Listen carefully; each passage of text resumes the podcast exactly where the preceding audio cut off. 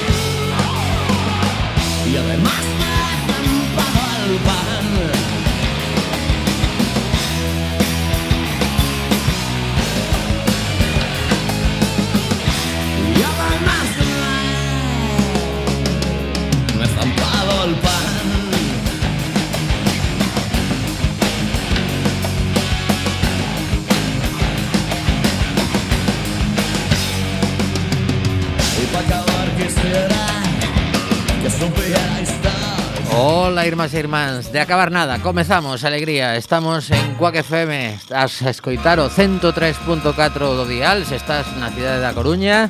Esta é a radio comunitaria e temos por diante 50 e tantos minutos para compartir contigo neste mércores eh, 10 de novembro. Estamos o equipo ao completo, así que imos saudarnos mutuamente, porque tampouco nos vemos tanto como pensades. Veo la lume, moi boas. Mm, pois a verdade é que non, pois moi boa tarde a todos e a todas. Como estás, como estás? Con gañas de... Home, claro, sempre, aquí de, de, de falar, de novizar, de economizar, de, do que faga falta. E que nos decides de, o regreso de Loco Iván, que xa está outra vez en antena? Como vai a cousa? Eh, home, de momento un programiña tivemos, eh, como soen adoitar estas cousas, o primeiro foi bastante accidentado, pero saiu, bueno. saiu, foi todo polos pelos, pero polos pelos todo saiu. Eh, e eh, rimos un montón, e eh, eh, quedou ben, quedou bueno. ben. Eu a verdade que pasei ben e eh, agardo que toda a audiencia que o escoitara ou que o pense escoitar eh, no podcast, pois o, o pasei igual de ben que nós. Aí soía precisamente. Lembrade que sempre podes recuperar os programas de Quack FM cando polo motivo que sexa non o podes pillar en directo ou incluso cando chegas a un polo, me, polo medio e resulta que dis, ah, pois isto ten, ten boa pinta, quero saber que pasou antes.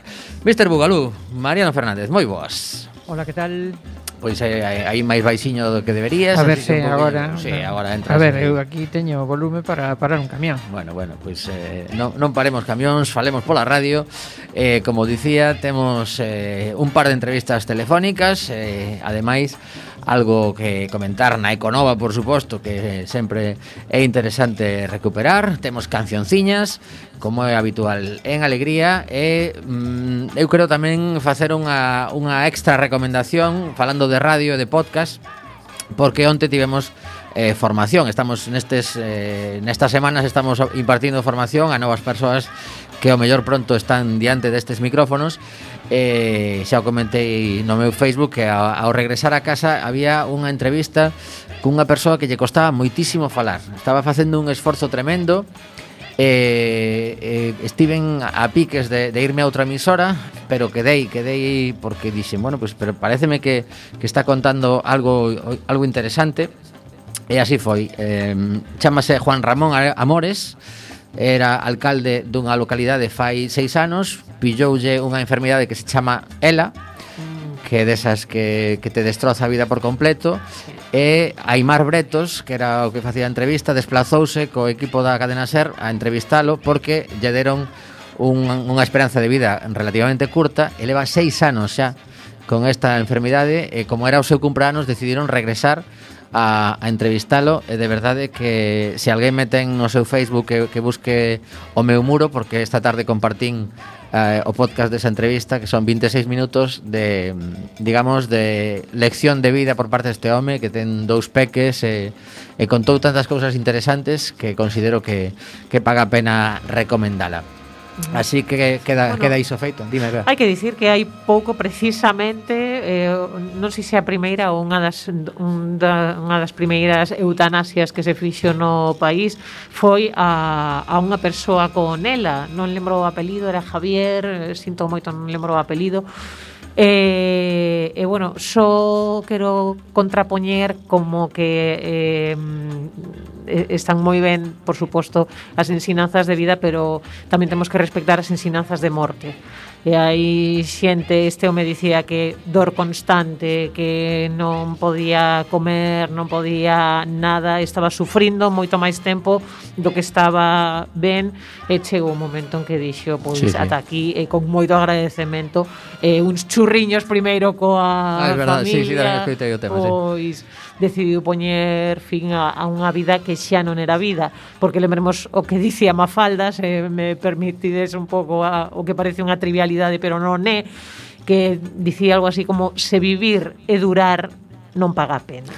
Pois sí, de feito, eh, a, a colación disto que comentas, esta, esta pasada semana tivemos dous casos bastante significativos dende que se aprobou a lei da, da eutanasia. Eh, por unha banda, eh, esa persoa que levaba meses loitando en Madrid e que conseguiu que por fin eh, a comunidade autónoma fixera o seu traballo, pero costoulle moitísimo, xa estaba en fase de desesperación absoluta, e non sei se bichedes outro caso dunha muller que decidiu directamente suicidarse. No, no, xa, xa non aguantou máis. Quindouse a fiestra, sí. Estaba, estaba ata as narices de que a administración non lle recoñecese un dereito que estaba aprobado no Congreso, bueno, a administración, a, as persoas que teñen que executar despois as, eh, a, as, as normativas que se aproban no Congreso, eh, e tomou a decisión, eu creo que de algún xeito, mm, ademais da, da, da súa vida, de rematar con ese sufrimento tremendo, pois tamén estaba poñendo en riba da mesa o problema de que os papéis aguantan moitas cousas, pero despois a realidade das persoas que están sufrindo pois eh, non, non é todo tan doado como, como debería, polo menos. Uh -huh. Non, sobre todo cando cando aí hai outras cousas polo medio, non? Pero é unha realidade, é unha, é unha realidade da eh, a obxección de conciencia que non é só neste caso, hai outros casos nos que nos que ás veces fan absolutamente imposible a aplicación de políticas públicas que garantizan que garanten dereitos. Claro, pois entón seguramente o que tería que ter eh, a administración un sistema polo que si detecta que en algún área sanitaria ou que sexa eh, hai unha obxección colectiva, vamos a chamarlle así, de todas as persoas que terían que aplicar este tema, pois o mellor hai que levarse esa persoa a outro sitio, o que non o que non pode ser que se incumpla a lei. A ver, eu entendo que por un lado, sí, que as persoas teñen dereito á obxección de conciencia, pero que por outro lado, aos, o sea, os os servizos públicos teñen que garantir os dereitos da ciudadanía. Claro. Sí, así. así de claro. Bueno, pois eh, Pasamos a unha parte un poquinho máis alegre do programa, que é escoitar música. E non será difícil, eh, porque menudo arranque. Pois sí, non vai ser difícil. Bueno, pois mira, imos escoitar unha muller que vai a estar actuando mañá abrindo o Outono Codax Festival, que é un festival que se organiza en Santiago de Compostela dende hai bastantes anos, o 2020 quedou sin facer por culpa da pandemia, pero recuperan con, con forza con unha muller chamase Judith Hill, estivo nominada a, aos premios Grammy e vai a estar mañá na Sala Capitol para que lle guste esta voz, pois aínda está a tempo de arrancar cara a Compostela e disfrutar da música de Judith Hill.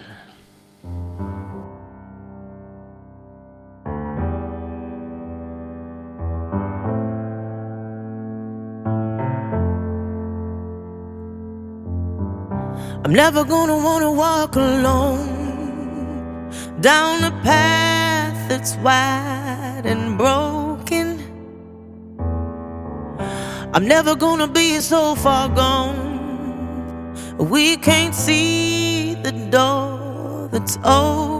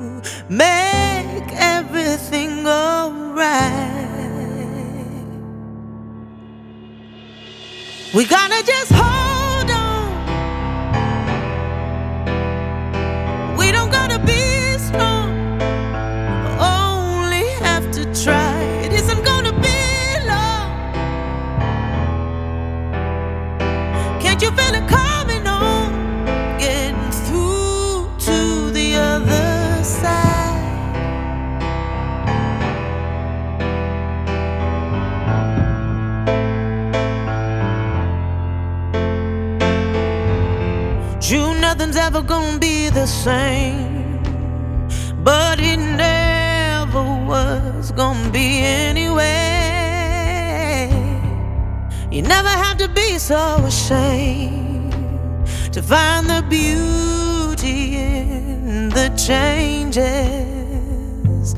We got this one chance to hold each other tight.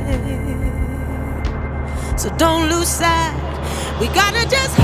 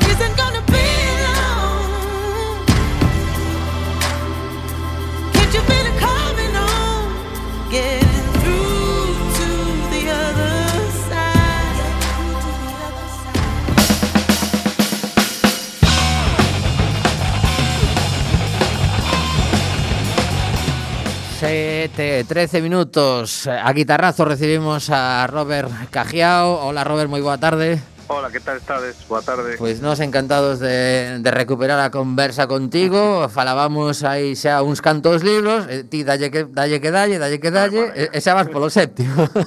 sí, sí, é que outro, a, alguén me preguntaba esta semana, e dicía que non se pode parar, é que este, como non sabes cando vas morrer, ou cando se vai a ir o mundo ao carallo, pois pues, ao final eh, a que tens que facer é seguir, seguir eh, a ver, no mundo dos libros xa sabes como funciona hai xente que é un poquinho máis eh, eh, bueno, maximalista digamos, eu son máis de ir rápido con todo eh, e procurar, pois, eso, sacar sempre tres, catro libros ao ano que ao final isto non se trata de outra cosa que entreter. Entonces, pois canto máis entretemento lle demos á xente, pois mellor. Sí, ademais a xente resulta que está encantada coa túa saga e chegas a 50.000 copias vendidas. Eso sí. eso é como así un subidón que como como recibiches sí. a nova? No, a ver, eh, que, en principio quen, quen nos diría, non? Porque ao final non, non eso non, non imaginábamos. A ver, ao principio, a ver, ao final isto tamén é certo que hai 50.000 porque fomos dun en un, non? Que dicir, hai 50.000 persoas, non tantas, porque moitos compraron varios, poño, eh, que, bueno, que, que ao final lles, lles gustou a saga, lles interesou. Eso, cando falamos a primeira vez de eh, Tommy, pois eh, se modís, digo, che, que estás, eh, vasches un peta ou algo, sabes? Eso sería imposible de creer, non? bueno, pues chegamos aí, non sei nin como, a verdad que en algo increíble, si é certo que é entre, entre digital e, e papel, por suposto, claro, non, non, porque de papel eso sí que é impensable eh, para nós, os artistas independientes, chamemos así, pero bueno, xa é un, é un feito, non? Eu creo que é un, o que diste, un, ah, seguramente algo que non, non vos a repetir, Oh, o galla que sí, pero moi difícil. Bueno, a ver, agora xa isto unha vez que colle carrerilla isto como ¿eh? a reproducción, sé, porque sí, sí. Eh, o boca a boca, o, o, o xeito de, de que a xente que o mellor pilla un polo camiño sí. eh, que non é o primeiro, entón recupera claro. recupera cara atrás a saga, recupera para adiante. Sí, eh, amigo, sí, sí, claro. sí, eso é moi interesante, a verdad. A historia da saga eu cando cando dixen o de que iban a ser nove, sabes, eu xa se contei outra vez que foi nada, simplemente unha, unha destas directos que se fan en Facebook, estas cosas modernas que fixemos todos cando foi a pandemia, non? Sí. Eu recordo que alguén me preguntou, iba no terceiro, alguén me preguntou, oye, canto, cuántos van a ser? E dije yo, Pues nueve, toma por culo. Pero claro, dilo, dilo sen pensar, ¿no? Eh, dilo por decir, despois das teclas dixen, joder, dixen, dixen nove, ahora teño que facer, isto que está grabado, isto Isto non, non, non podes fallar a Bueno, a ver, bueno, tampouco, tampouco te, bueno. te frageles con iso porque hai, hai, hai trucos sempre para decir, bueno, ainos, ah, hai, ainos. claro, claro. Pero eu son así moito de palabra, cando digo algo, jodeme ir para atrás, entonces dixen, bueno, pois pues nada, facemos nove. Ao final, o que te das conta co paso do tempo é que o que pensaba que podía ser unha, unha un lastre, sabemos decir, non, un lastre de... Uh -huh. que é moi difícil ás veces, tío, sabes, enganchar a xente a partir do cuarto ou quinto, claro, teñen que ir para atrás, eso é como un pouco de balance, hostia, con sete libros, tío, no, non vou para atrás. Entonces, bueno, ao final parece que, bueno, que funcionou bastante ben en todo o que cabe, o ser independentes todos tamén é certo, eso tamén axuda, uh -huh. pero parece que funcionou. Entonces, bueno, a verdad que estamos contentos e, bueno, a ver, que a, a seguir tirando, a, a seguir traballando, como, pues como sí. sempre. Home, tra, tra, ninguén pode dubidar que, que Robert está traballando e eh, ademais viaxando moitísimo que é unha desas sí. cosas que, que eh, é a combinación de, da persoa que escribe en soidade que está aí metida co seu teclado e eh, dalle que te pego, pero que claro o contacto coa realidade é moi importante e eh, ti xa levas unhas cantas feiras ti veches en Madrid, en Granada sí. Sí. eh, Murcia, Valencia, Málaga sí. agora hai que dicir que é importante que unha das eh, dos motivos desta conversa é que este mesmo sábado, que non se nos despiste sí. ninguén, sábado día 13, eh, estás en FNAC en Coruña para, sí. para presentar o séptimo.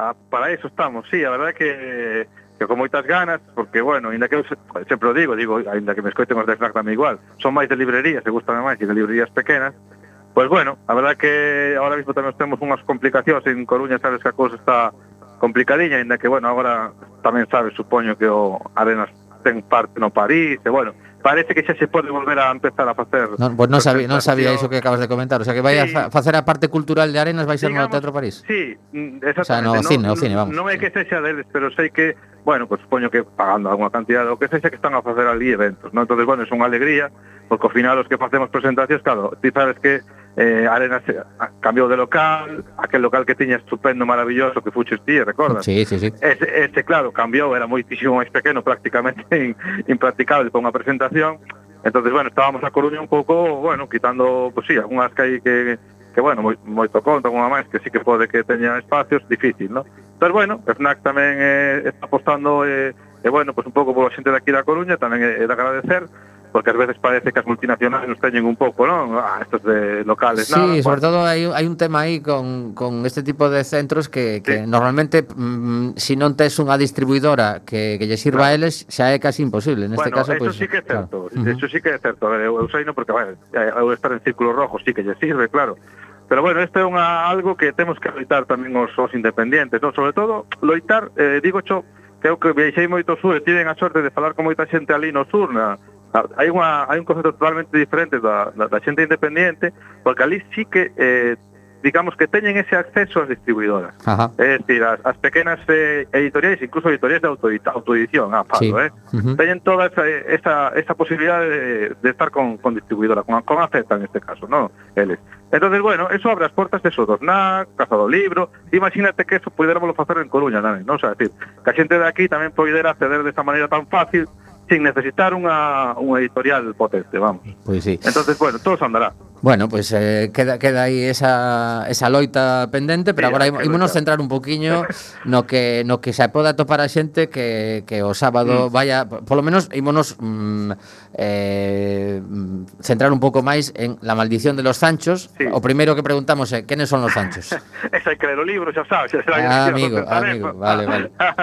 pero bueno, nada, é unha historia que está, bueno, pues era a séptima, eu xa fai tempo que tiña na mente facer algo aquí na miña, na, bueno, no miño, na miña pueblo, no meu pueblo que é de Bañobre, E bueno, pois pues, fixo unha historia a partir dun, bueno, un cuadro que fixo a miña nai, o sea, a portada un cuadro da miña nai, e surxiu tamén nun momento pois pues, tremendo, porque eu estaba escribindo o libro de aquí de Bañobre, e morreu o meu abuelo xusto nese intre, que é o, o caporal, como digo eu, de aquí de Bañobre, non? Entonces, surxiu todo así como moi eh, oscuro, e o libro é un pelín oscuro por, tamén por ese tema, non?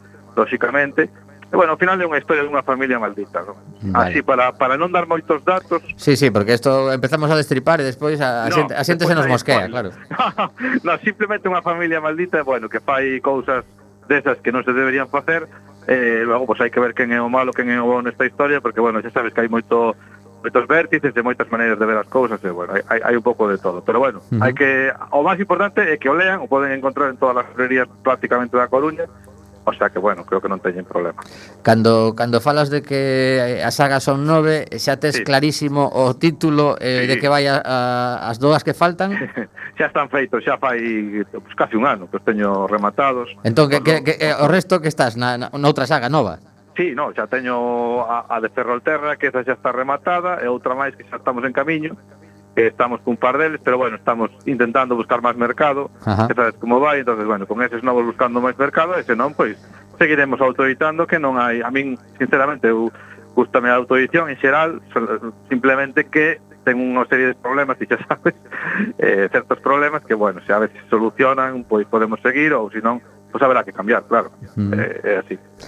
Eh, cando falamos de la, estamos levando un, un bo tempo da, de entrevista e falamos dunha saga que se titula El guardián de las flores, que mellor a xente, pois pues, claro, empezamos aquí moi lanzados ti máis eu porque xa o sabemos, claro, pero claro, claro, pero El guardián de las flores é esa saga pola que tens que preguntar cando vayas á librería sí. eh, eh, e descubrir os, os títulos anteriores.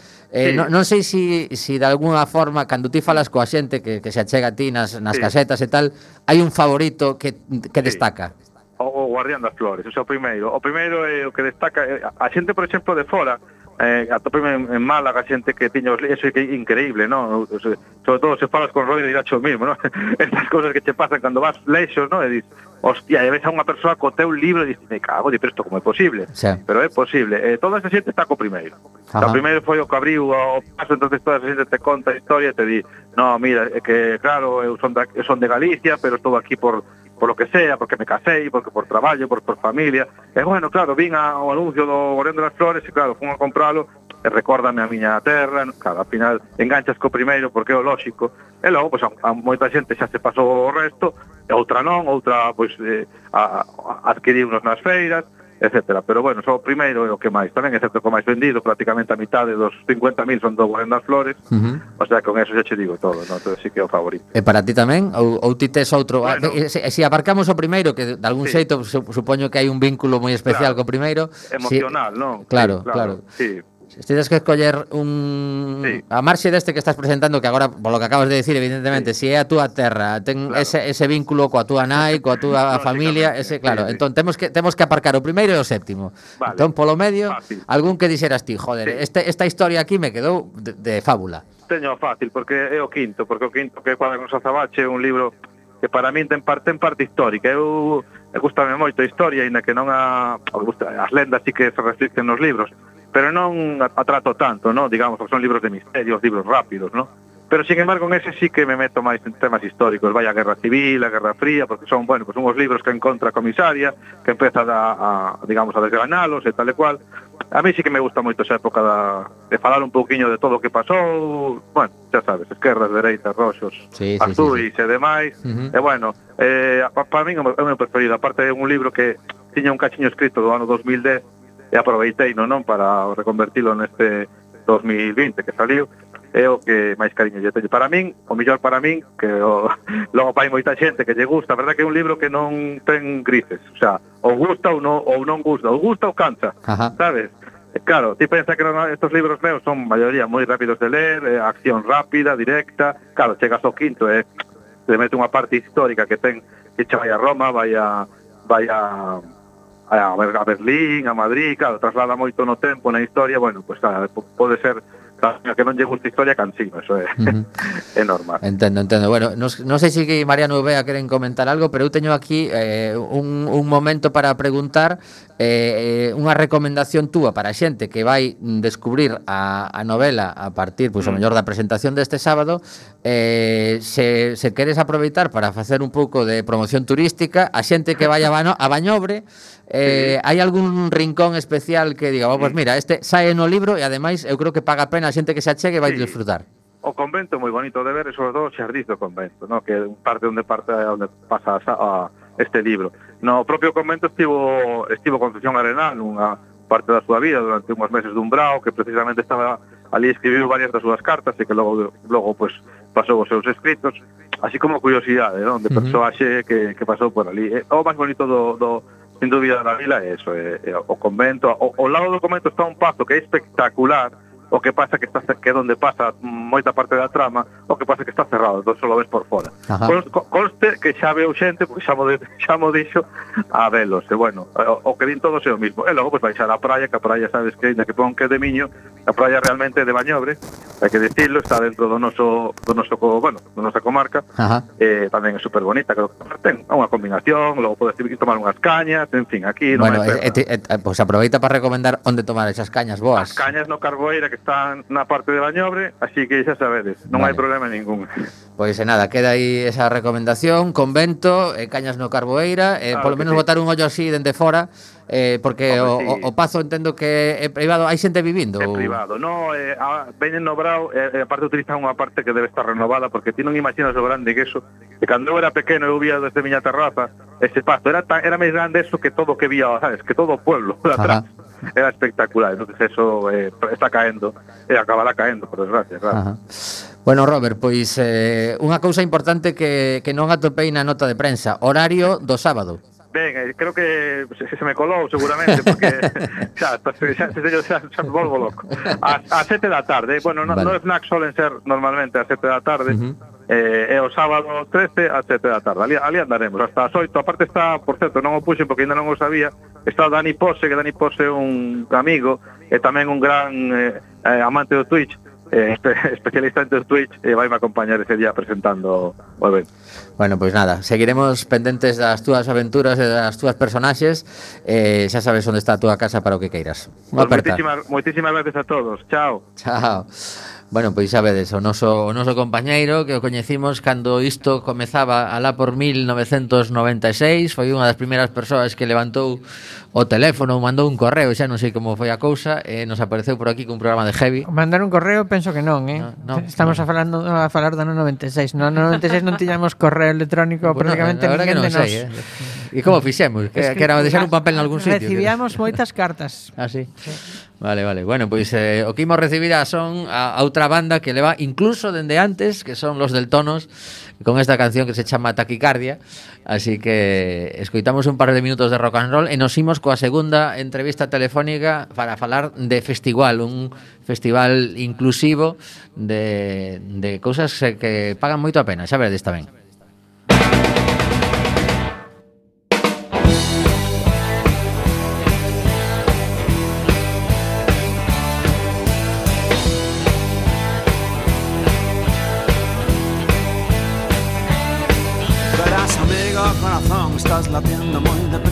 algo que no puedo controlar. Si prefieres que no te llame más, pues avisa y no descuelgues y te quedes sin hablar.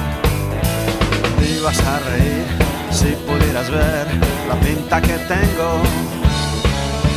Sudando aquí de pie y con el teléfono apretado contra el pecho. Sabes, a veces me pregunto si es posible caminar por el alambre sin pensar que no hay nada realmente importante al otro lado por lo que merezca la pena cruzar. Ya me contarás si te viene bien, qué es lo que pretendes. Prisa no hay, tarde no es, te vas o te vienes. Hay un punto ciego en el atardecer cuando el día no se acaba de ir. En ese punto ciego quedaremos tú y yo repente empezarás a latir otra vez.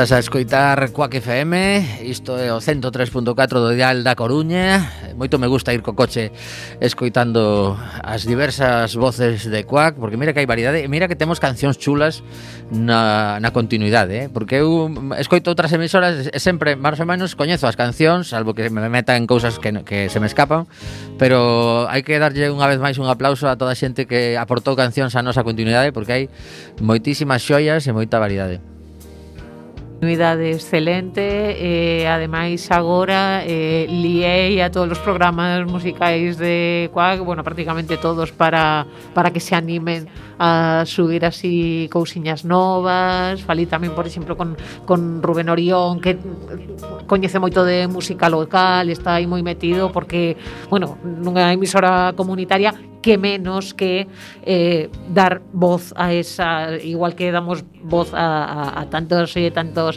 organizacións, asociacións e tal, pois tamén hai que darlle voz a música, eh, por suposto. Sí, sí, de feito agora mesmo está ah, votando o xurado do 23º concurso de bandas e solistas mm. e eh, a vindeira semana seguramente xa poderemos dar a coñecer quenes van quen, que bandas van a estar na, na batalla de bandas na final e quen é a banda gañadora do premio a mellor banda local. Moitas novas temos para a semana que ven, eh? Sí, sí, a verdade que Coaque FM está en un momento de efervescencia importante eh, eh, a ver si... E non imos dicir nada agora ou si, non, non imos dicir nada agora se, eh, poden, poder, poderíamos dicilo pero tenía, teríamos que ir matando a todos os que escoiten Home, que podemos dicir é que a xente eh, apunte na súa xenda Benres 19 pola tarde e sábado 20 pola mañán coa que FM e a vendeira semana falaremos aquí con calma do que vai suceder e seguramente tamén a través de eh, as nosas redes sociais, a páxina web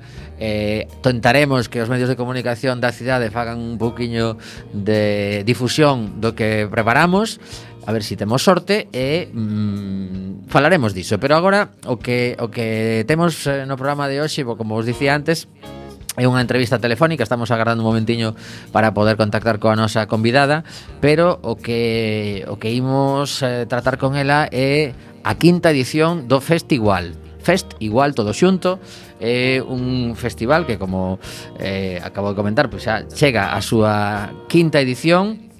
Eh, está eh, adicado ás artes inclusivas en xeral, vale? Eu creo que que é un deses proxectos que debemos manter na cidade e, e a proposta comezaba onte mesmo, así que chegamos un, un día tarde pero eh, vaise prolongar ata o día 3 de decembro, polo que aínda quedan moitísimas cousas, precisamente o, o día 3 de decembro é o Día Internacional das Persoas con Discapacidade.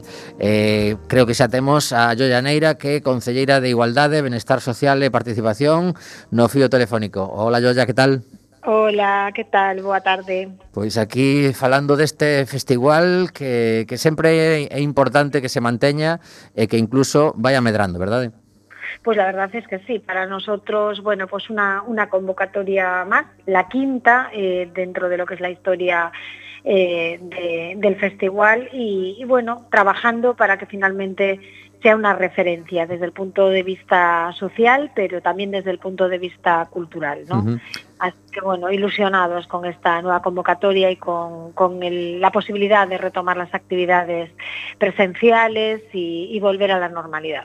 Para, para a xente que nos escoita, que mellor pois eh, lle soa ou vio algún logotipo, algún cartaz ou información solta, em, como, como definirías o que, o que se concentra neste, neste festival? Bueno, el, festival es un festival eh, por, el arte inclusivo, ¿no?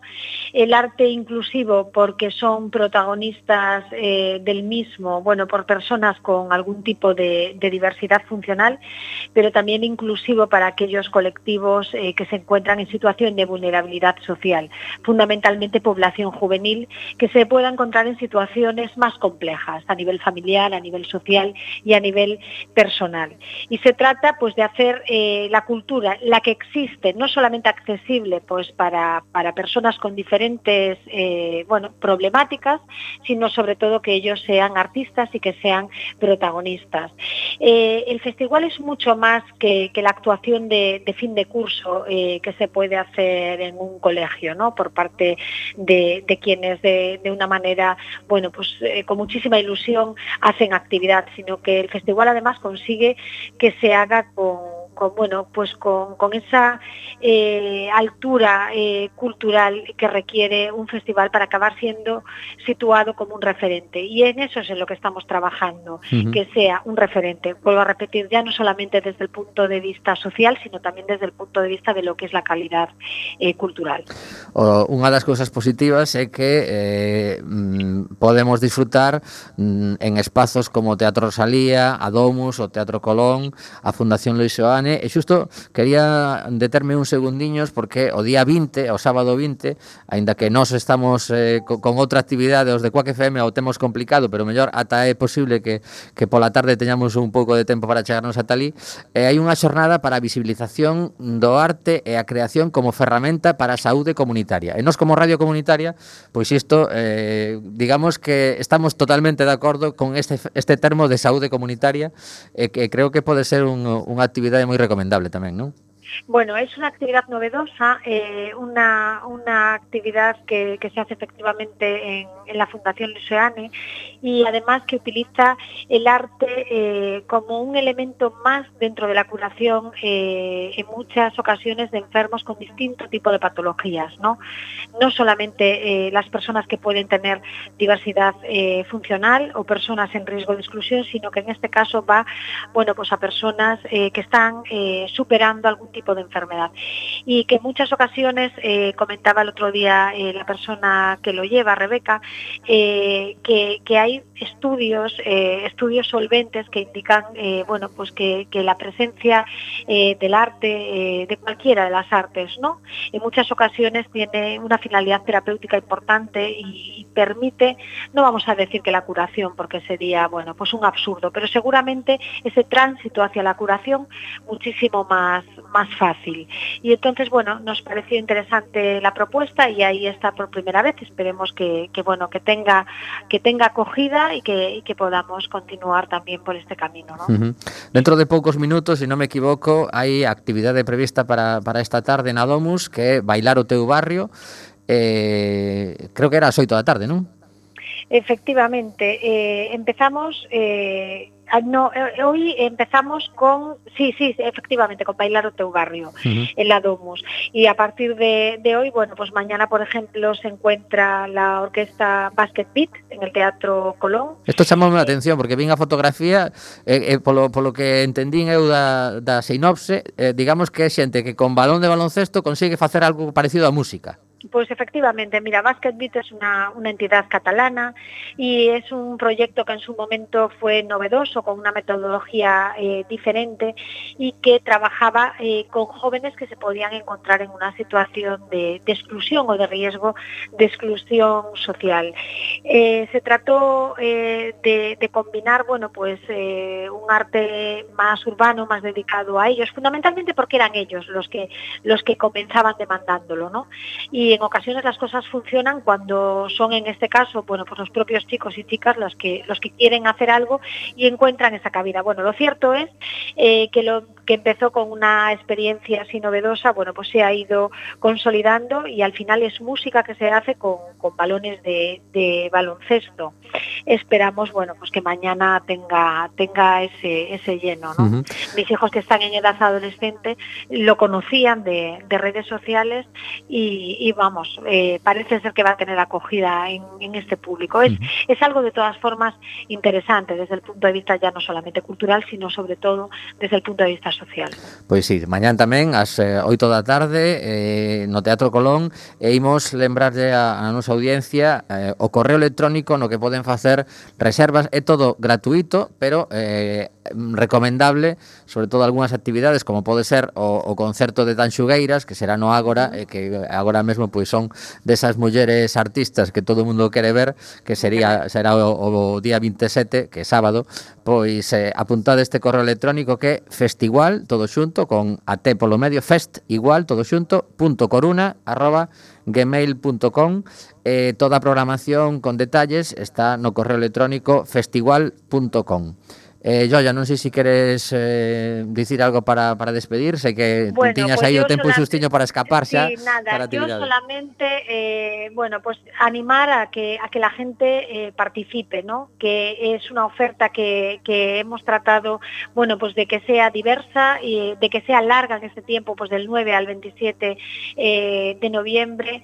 Bueno, que hay muchas cosas que merecen la pena, merecen la pena todas y que al final, bueno, pues entre todos se puede conseguir ese objetivo, que los que estamos en el ámbito de lo social eh, siempre hablamos, que es la, la, plena integración, y en este caso a través del arte, siendo pues no solamente usuarios del mismo, sino protagonistas y, y creadores, ¿no? Y eso es lo más, lo más importante. Sí, eu creo que entre a carreira Enki eh, esta, esta proposta do festival, pois eh, poñemos en riba da, da mesa propostas moi interesantes e, eh, e nos fai a, as persoas que, que temos máis sorte que outras ser conscientes de todo de, co, todo o que se pode facer con algún tipo de, de discapacidade e, e admirar ese, ese esforzo e, e sobre todo pois valorar eh, todas estas propostas. Así que moitísimas grazas por estes minutos e agardamos que a xente disfrute eh, sobre todo a, as persoas que, que se involucran en, en crear todos estes espectáculos pois que tamén sintan que, que valoramos o que fan. Moitísimas grazas.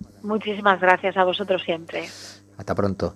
Bueno, pois eh, isto é alegría esta é a sintonía da Econova.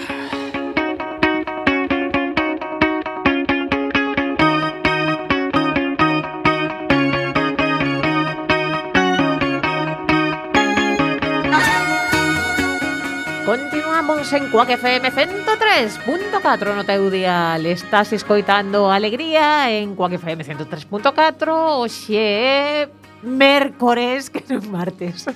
Eh, 10, pode ser, desde novembro de mm, 2021 Son as 7.43 minutos da tarde Xa sabes que se non estás neste día Non estás nesta, non estás nesta hora E que nos escoitas en redifusión. Chegamos ao apartado da Econova E imos empezar cunha nova que chamou moitísimo a miña atención Que di que o chumbo da gasolina persiste no ar de Londres.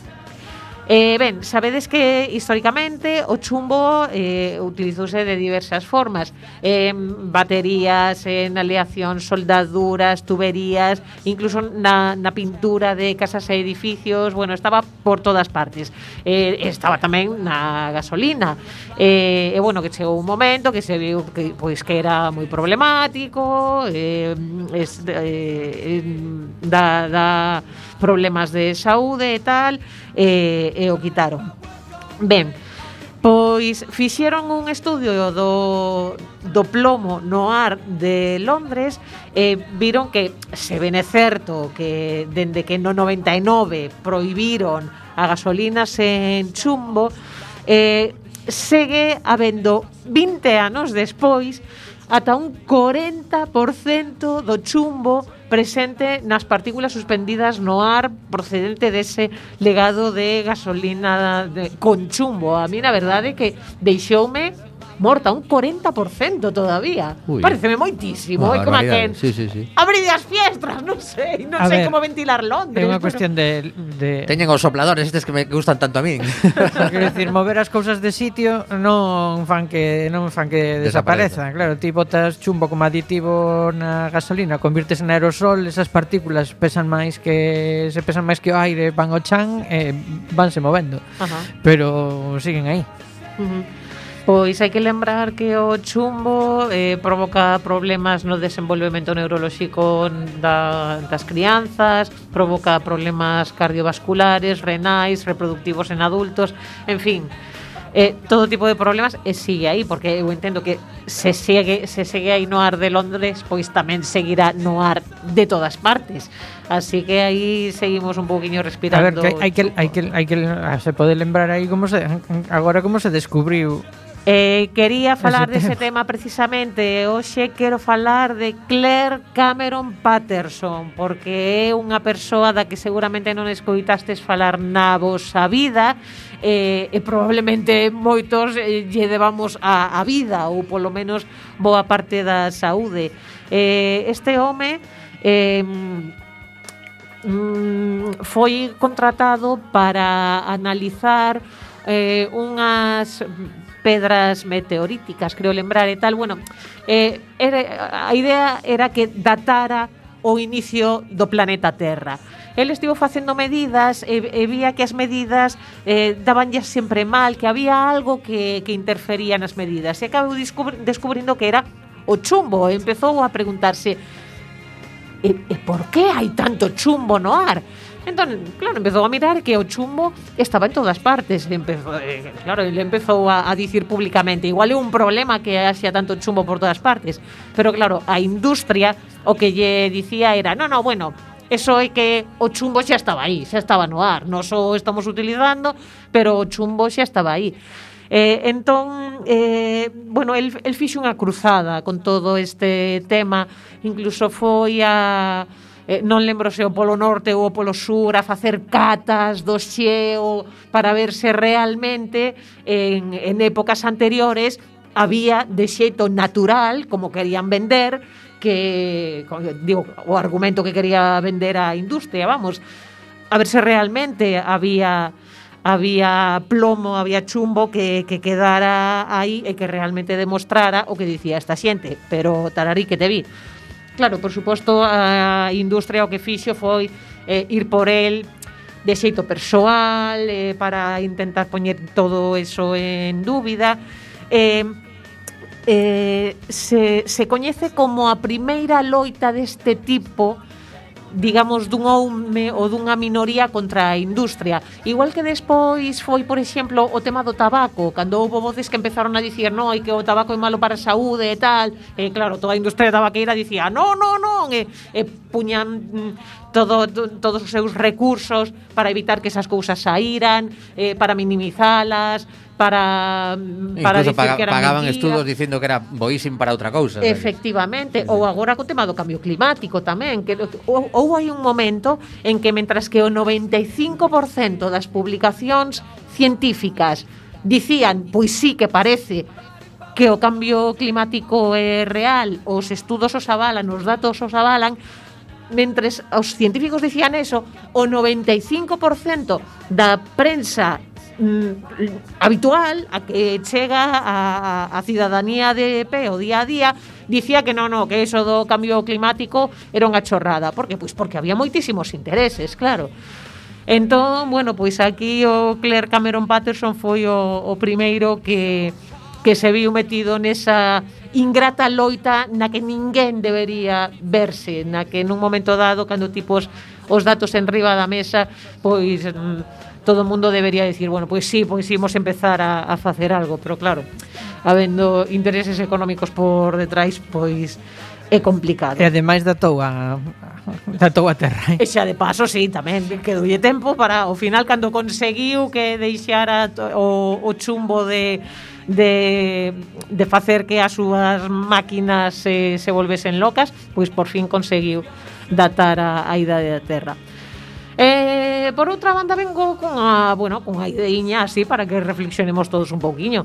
Porque, bueno, co, co tema este que se está falando do posible gran apagón en Europa e tal, que está en todas partes, e estiven pois aí lendo un pouquiño e tal, que, bueno, por certo, din que en España dificilmente eh, polo xeito que temos aquí de xerar electricidade, porque temos bastante capacidade, porque temos moito combustible acumulado, reservado, precisamente por se hai un problema deste porque, tipo. Porque a mí me parece que se desexa máis que, que ten posibilidades de que se cumpra. Quero dicir, os, os fans do gran apagón están como desexando moito que haxe un gran apagón. Ao final, este tipo de cousas, eh, si, si saen con certa frecuencia en medios, acaba calando, e un lin esa sí. mañá que se están esgotando os camping gas. Ala, ao carallo. Antes era o papel higiénico, agora son os camping eh, gas. Ia dicir, a ver, eh, coa pandemia rematamos co papel higiénico, e logo coa fariña, e logo coa levadura, e logo non sei que, sí, sí, pois pues, funcionamos así un pouquiño. A, Tamén a, a, a todos nos poco... gusta unha, unha, unha boa catástrofe de cando Tamén pe penso que un pouco a pandemia o que, o que foi rebaixar a, a, a as resistencias a pensar que é algo imposible, non? Uh -huh mm, agora nos din calquera, o sea, vai haber unha unha unha non sei, un, unha guerra zombi, pois igual lo cremos máis que antes da pandemia. Sí, sí, bueno, a xente está ao mellor máis receptiva a que pase cousas que antes non pasaran nunca. Sí.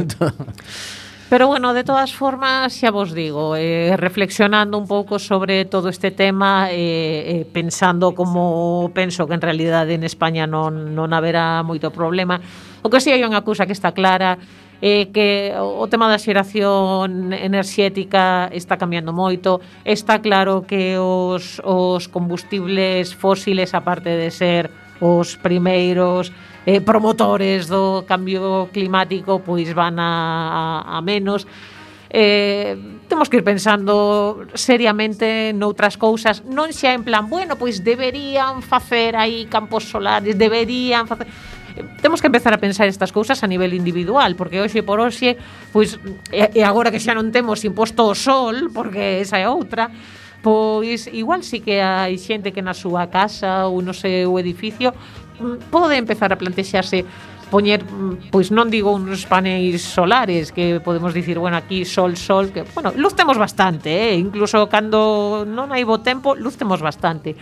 Pero, dicía eu, pois mira, aeroxeneradores nas azoteas das casas, digo, e a vera, para, para poñer nas casas. E estiven buscando, eh, e hai cousiñas, hai eh, bastantes ah, sí. cousiñas, Eh, está, home, que non digo igual para dar electricidade a un edificio inteiro, pero oh, es o mellor pois para o que son as, as luces da, da, da, da casa ou non sei incluso o ascensor, home, eso habría, habría que miralo. Uh. Non no sei se vos está saindo eh, certas novas relacionadas con persoas que, que teñen inventos que poden xerar enerxía. Sí, sí, ia, ia comentar sobre iso. Digo porque para Coruña especialmente é unha boa opción. Mm, vento temos, quero sí, dicir, ti empezas poñer aeroxeneradores en Rubine eh, bueno, e, e podemos darlle electricidade a, a media España, sí, sí, vamos. Ali nas eh, esclavas tamén que... confirmo eu que Sí, por exemplo, pero pero que en Coruña temos moitísimo vento por todas partes, pois pues, oh, es empezar a mirar o tema de aeroxeneradores. Mm, eh, vin varios que Bueno, Amancio ten un, eh. Amancio, sí, sí pero, pero é, é moi grande, é moi grande, non é algo que poidas poñer no, penso eu, no, sí, no teito Aí en María da Pita casa. cabe. Sí, caber cabe. Sí. sí. Eh, eh, mira, no medio bonito, do bonito no, no medio do cortel de Atocha, seguro que hai un burato, hai un patio ou algo para poñer aí porque teñen metros cadrados a regalar tamén. Uh -huh. Pois sí que hai aeroxeneradores, digamos, tipo molino máis pequenos. Hai agora eh, moitos moi interesantes que son aeroxeneradores en vertical, Ajá. que en lugar de ter as aspas así tan salidas, digamos, está como máis recollidiño, ocupa moito menos, son omnidireccionais, porque claro, ticos típicos molinos, dependes de que o, o vento pegue xusto aí ou que vayan xirando logo pouquiño a pouquiño para adaptarse ao vento, pero os outros sendo omnidireccionais por da, da igual de, de onde veña o, uh -huh. o vento. Eh, eh, sí, hai cousas interesantes e hai moitas cousas que están desenvolvéndose e penso que os próximos años van ser ben interesantes. Precisamente estiven lendo sobre un invento español que ven sendo un pau, que se nos dá moi ben o tema de inventar paus, uh -huh. ou o pau do chupachús, ou o pau da, da, da fregona e todo iso, unha cousa bastante fálica, hai que dicilo, pero bueno, si sí, ven sendo así un como un obelisco que a base fose fixa e o resto eh, se pode mover mm, o tema non é tanto o movimento, é a resonancia. Ajá. Sabedes cando vai moito vento e hai cousas que fan sí, brrr, sí, sí. Sabedes? Precisamente, mira, as, as bandeiras que están na praia de Riazor mm onde está a bandeira mm, de a bandeira azul e todo isto, hai as veces que fan unha vibración increíble. Ajá. Pois están investigando iso, levan xa bastantes anos eh, coa investigación. Eu non sei por que todavía non sacaron nada. Pero bueno, quero dicir que a ver, hai cousas e ademais están investigando moitas máis. Así que empezade a mirar. Se podedes, empezade a mirar, porque oes, hai que ser autosuficiente e así se logo hai un apagón, pois o problema para outro. E tamén, se, tamén se falou bastante do tema da forza das mareas, aproveitar a forza das mareas sí. que temos aí o Atlántico pegando e seguramente se podería conseguir sí. moitísima enerxía. Sí, pero bueno, esa xa din que o, o tema de cambiar un pouco a, a, a forza de como pega... Sí, para a vida mariña... O, claro, para a vida mariña é máis Ajá. complicada. Bueno. Pero bueno, mirar hai que miralo todo, está pois claro. Pois sí, pois sí, por, por facer probas que non quede, sobre todo as que non se xan de, de impacto ambiental como, bueno, é bueno, que de de feito, unha das novas que traía era precisamente que a UNESCO vai a investigar todo o tema dos eólicos que empezou a protestar a xente e que a UNESCO sí. vai tentar que se paralice a petición de moitos veciños e asociacións de claro, ecologistas, claro. etcétera. E que a ver iso, si, eólicos si sí, pero non o burro, non ah. nos podes poñer tampouco en calquera sitio. Efectivamente. Bueno, pois pues parece que non, pero xa levamos aquí 56 minutos eh, de radio eh, temos que marchar cara a cada un as súas cousiñas e agardamos que pasaras un tempo agradable con este alegría. Voltaremos ao vindeiro mércores se nada se nos cruza no camiño e agardamos que te quedes eh, no 103.4 ou a través da túa aplicación ou da emisión en streaming, incluso se nos escoitas en podcast que o disfrutes. Voltamos ao vindeiro mércores. Ata a próxima. Chao.